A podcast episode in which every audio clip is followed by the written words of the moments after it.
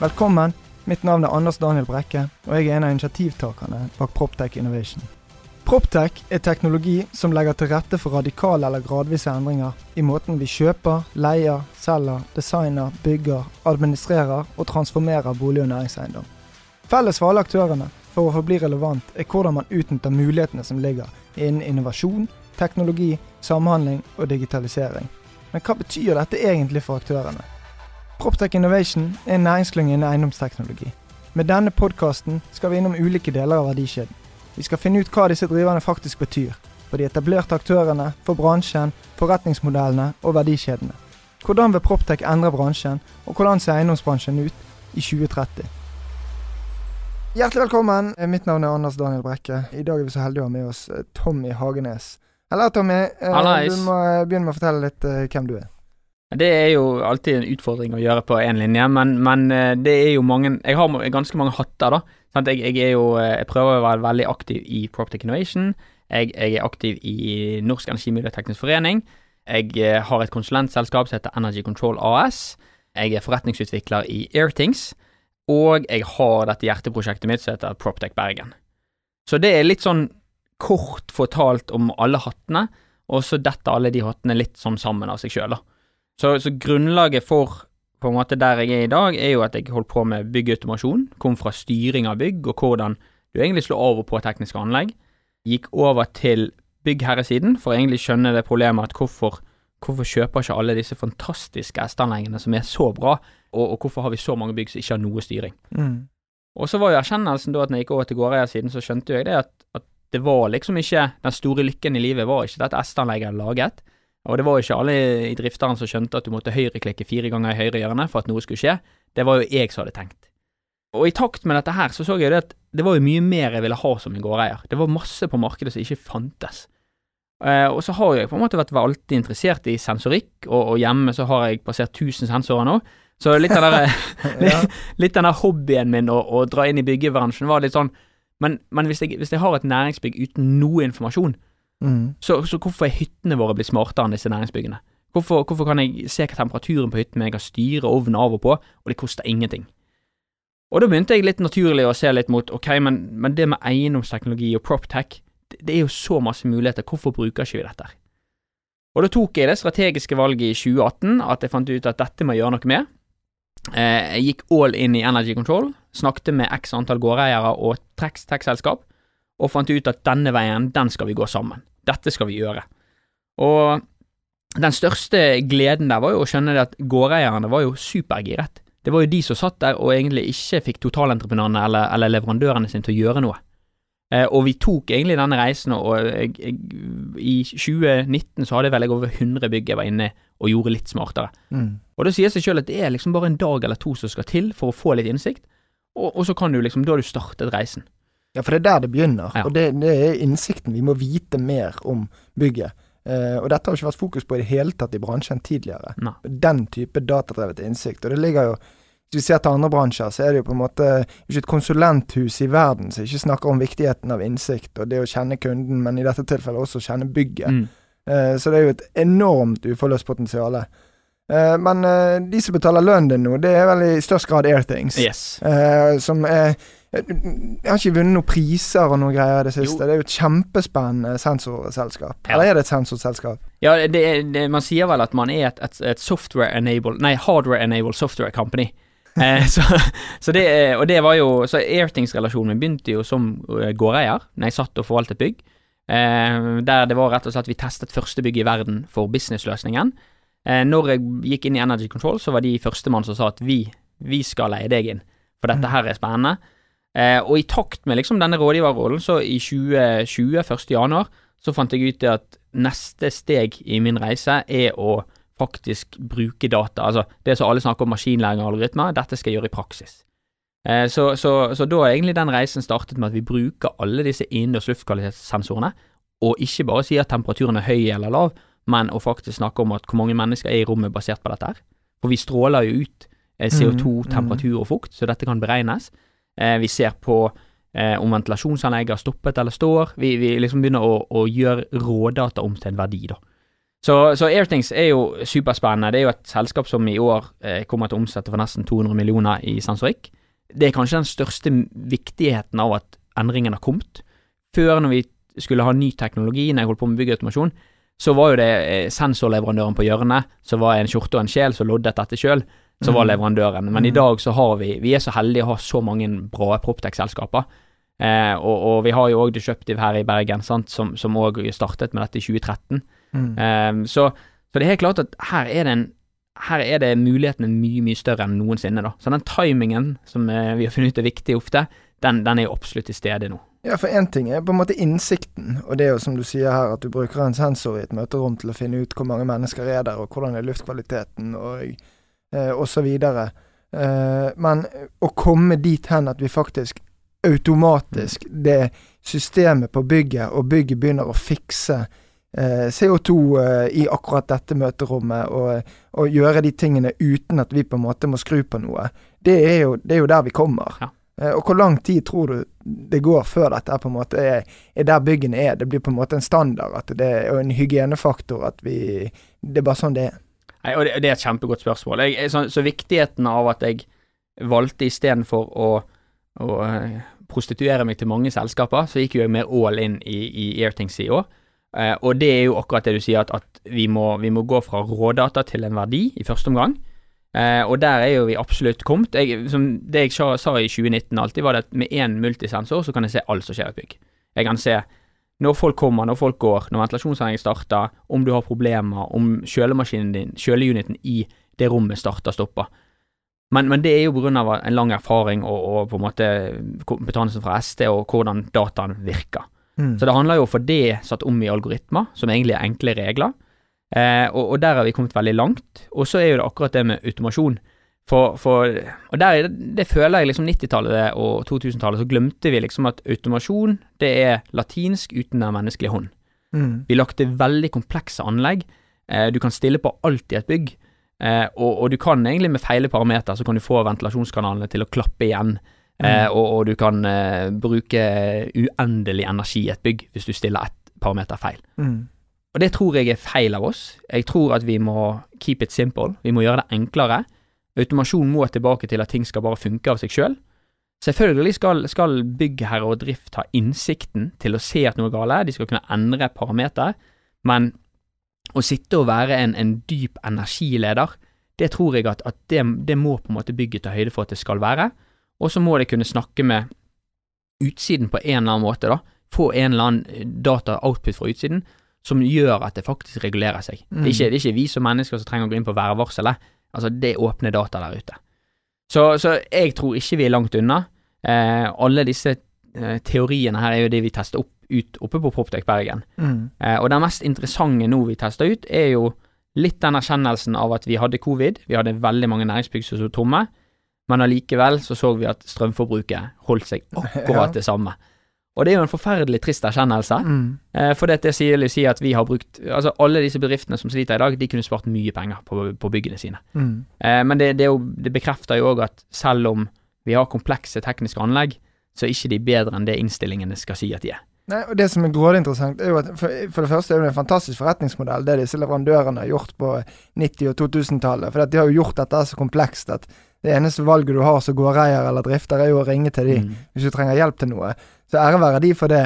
Eh, men, men vi må komme oss videre derfra. Ja. Og det er jo litt sånn Vi har snakket nå i årevis om verdien av data Mm. og, og eh, data, den nye oljen osv. osv.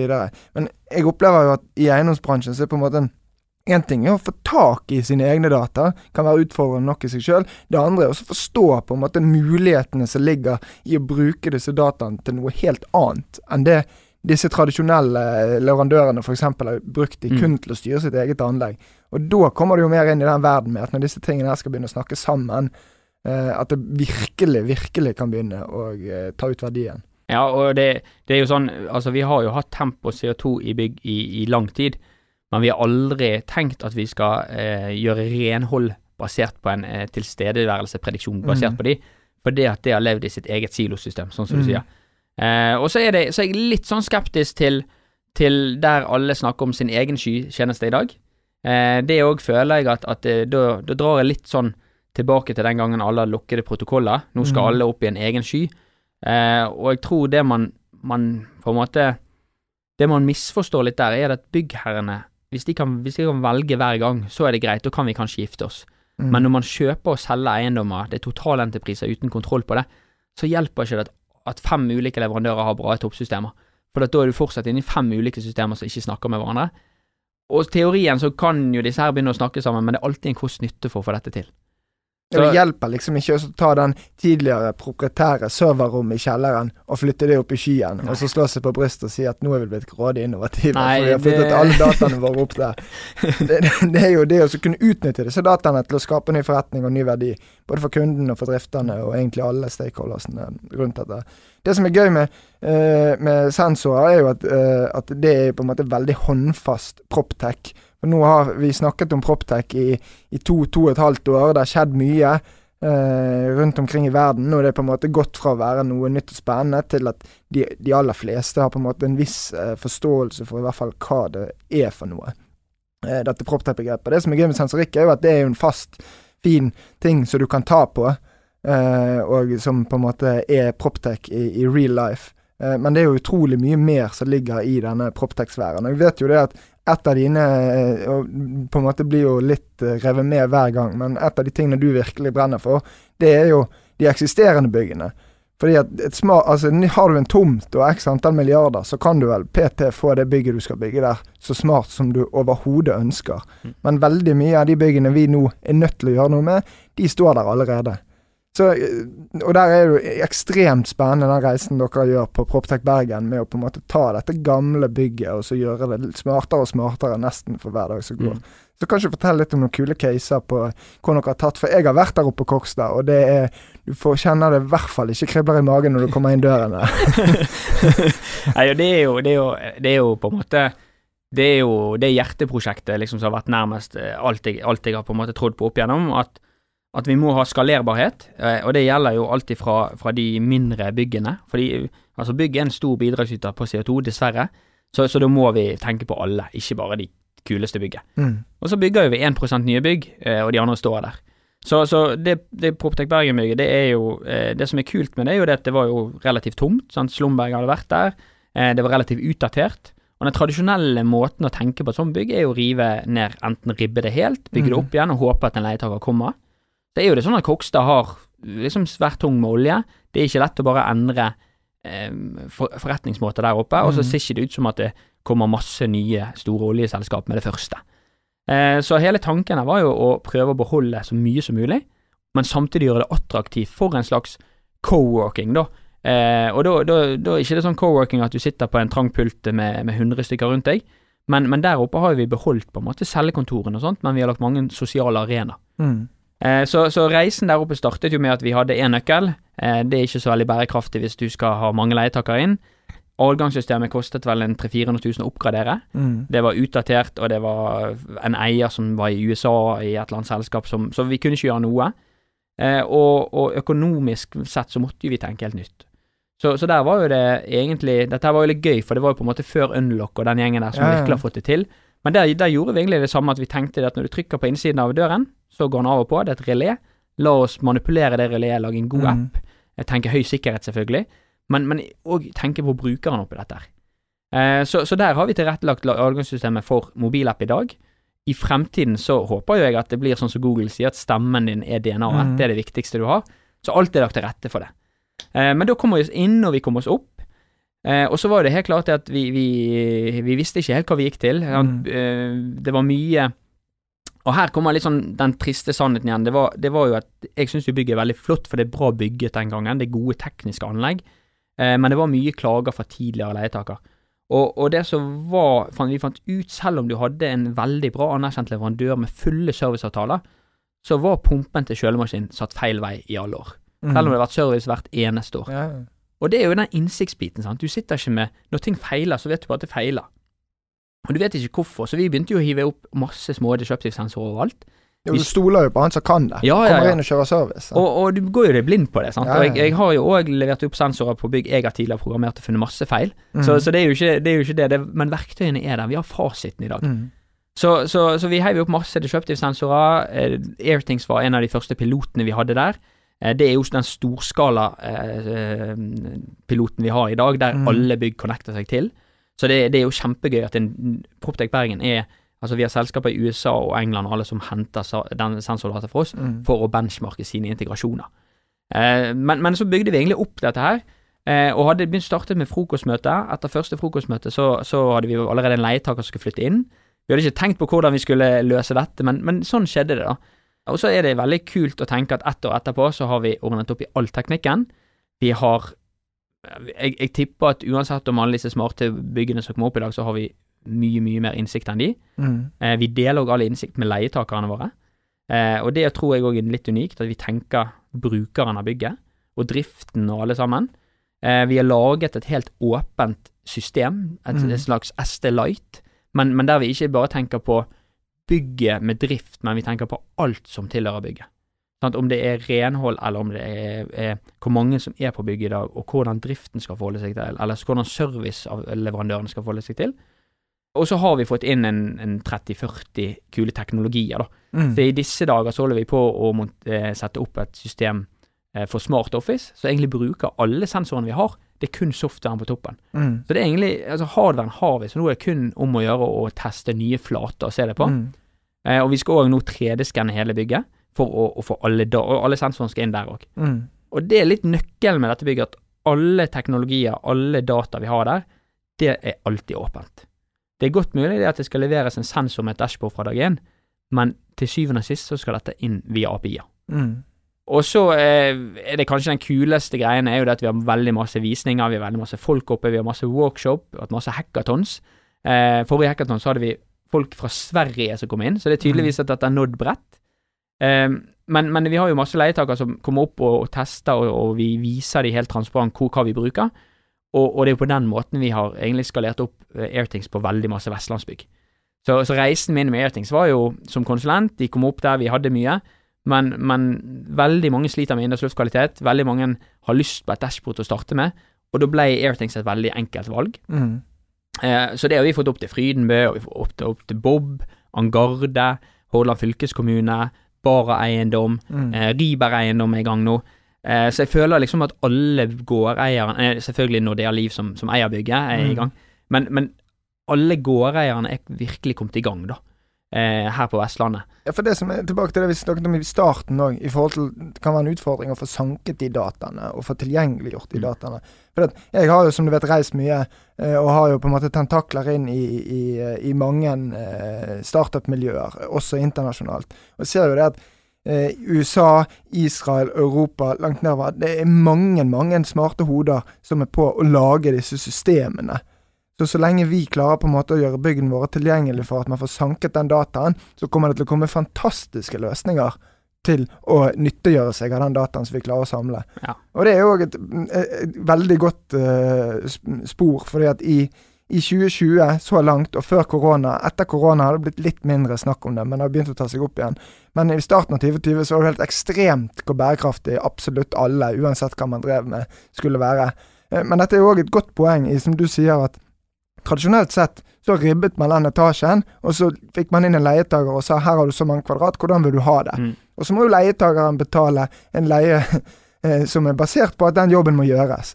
Mens det man egentlig gjør, eh, og som Kokstad er i ferd med å bli et eksempel på, er at ved å gjøre dette litt smartere, så kan man på en måte blande inn bærekraftsdel i det òg. At dette er jo gjenbruk i praksis ved å bruke teknologi. Og dette, det er jo en av mine eh, hjertesaker er jo at digitalisering handler om mye mer enn bare teknologi, og bare det. Det handler om hvordan dette påvirker forretningsmodellen, verdikjeden osv. Eh, og det er jo et kjempespennende bærekraftselement i å bruke sensorikk og annen data. Helt klart. Og og vi, vi har jo tenkt bærekraft fra dag én. En, en av de som er involvert her, er jo Roar Smelhus, som på en måte driver med Mm. bærekraft fulltid. Eh, så, så vi har jo gjenbrukt alt.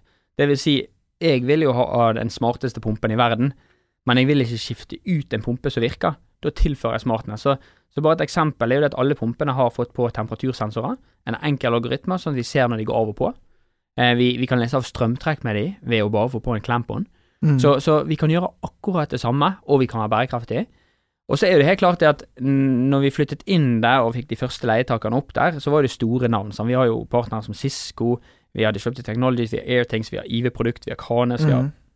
hele Mestergruppen. Vi har, vi har masse kule selskaper som driver med dette. Så det var helt klart at det var jo det å vise frem furu og, og litt sånn gammel interiør er jo ikke alltid en slager, men, men det føler jeg òg virkelig endret seg. Mm. At, at folk har et bevisst valg til det. Vi har liksom tatt den dialogen. Sånn ser det ut i dag. Hvis du ønsker, så kan vi se på en modell der vi kan gjøre tilpasninger, men vi ønsker å gå for gjenbruk. Og det er til den dagen i dag ingen leietakere vi har bygget om for. Mm. Eh, som er litt sånn Ok, det er litt spennende. Og alle møbler vi har fått, er jo second hand.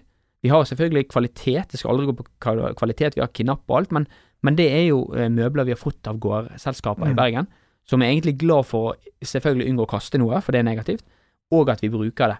Så vi har på en måte en slags eh, en leasingmodell med, med disse gårdselskapene, at vi, vi får lov å låne det. Mm. Eh, og, og så er det sånn at av og til trenger de noe tilbake.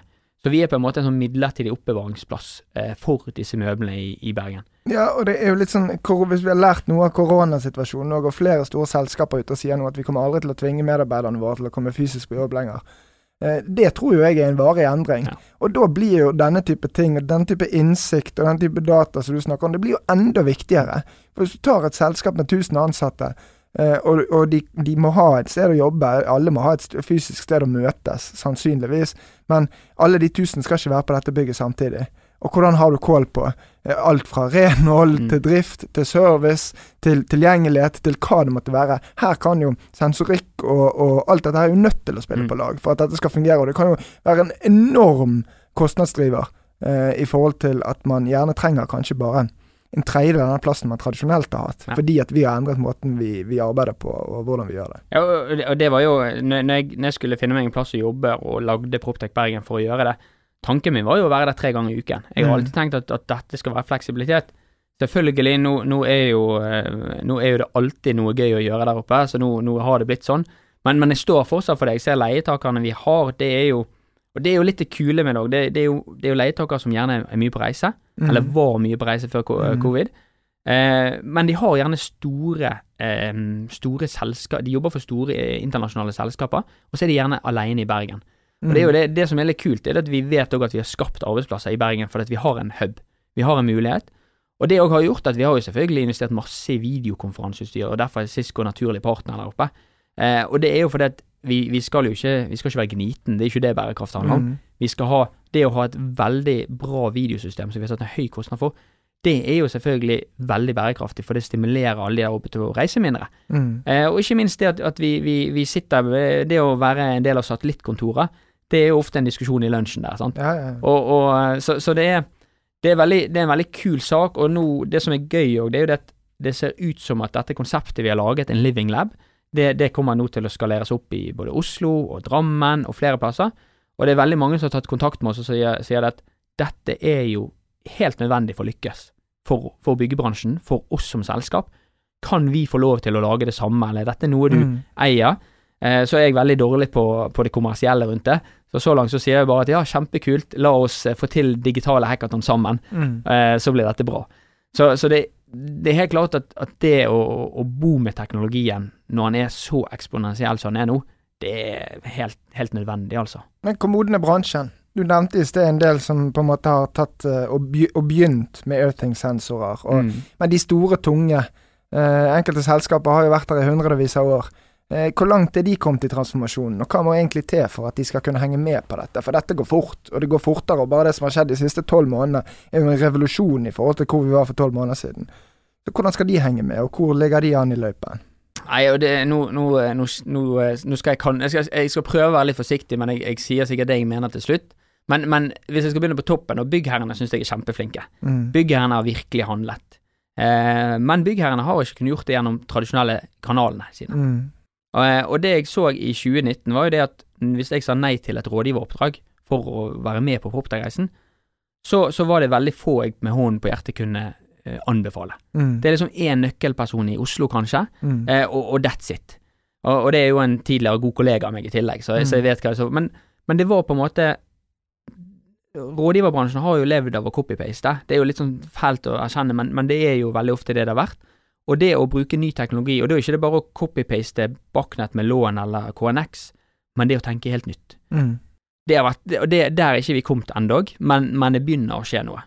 Eh, totalentreprisene eh, de er jo ikke tilrettelagt for noe nye forretningsmodeller. Det, det, sant, sier du as a service der, så, så, så er ikke det en punkt i, i kalkylen Ja, som sier det. Ja, støper deg inn i Ja, så, så, så der er jo det hardware og timer. Mm. Eh, og det er jo helt klart at skal vi lykkes med bærekraftige bygg, og, og at det at vi bygger et bygg, og så er det fortsatt bra i morgen, så må jo leverandørene være insentivisert av dette. Mm.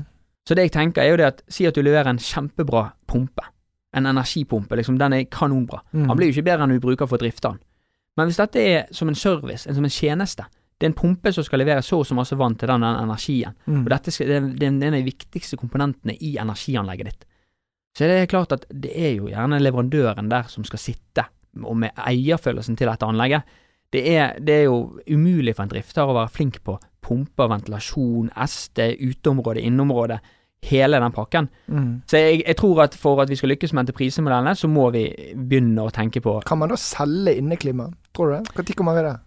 Inneklima som en tjeneste hørte Ja. jeg faktisk nå nylig, og det, da var det faktisk eh, Da var det faktisk en etablert eh, entreprenør som snakket om det. Mm. Eh, om det kommer, det er jeg litt usikker på, men, men jeg må jo si at som gårdeier så er jo det ganske forlokkende å tenke at nå når solen titter på Mm. og klagene kommer, så er det faktisk det at jeg har kjøpt dette som en tjeneste. Så er du misfornøyd, så har jeg alle innsiktene som sier at ikke det er bra nok. Ikke det er bra nok, så er det noen som skal fikse dette for meg. Mm. Og, og gårdeier har jo sittet med all risikoen.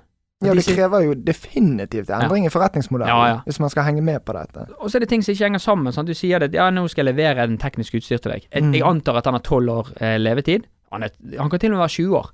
Men du, du får bare fem års garanti. Ja. Altså, det henger ikke helt sammen, sant. Så byggherren, etter seks år på et bygg, så sitter jo de egentlig Veldig ofte så oppfatter jeg de som litt forlatt.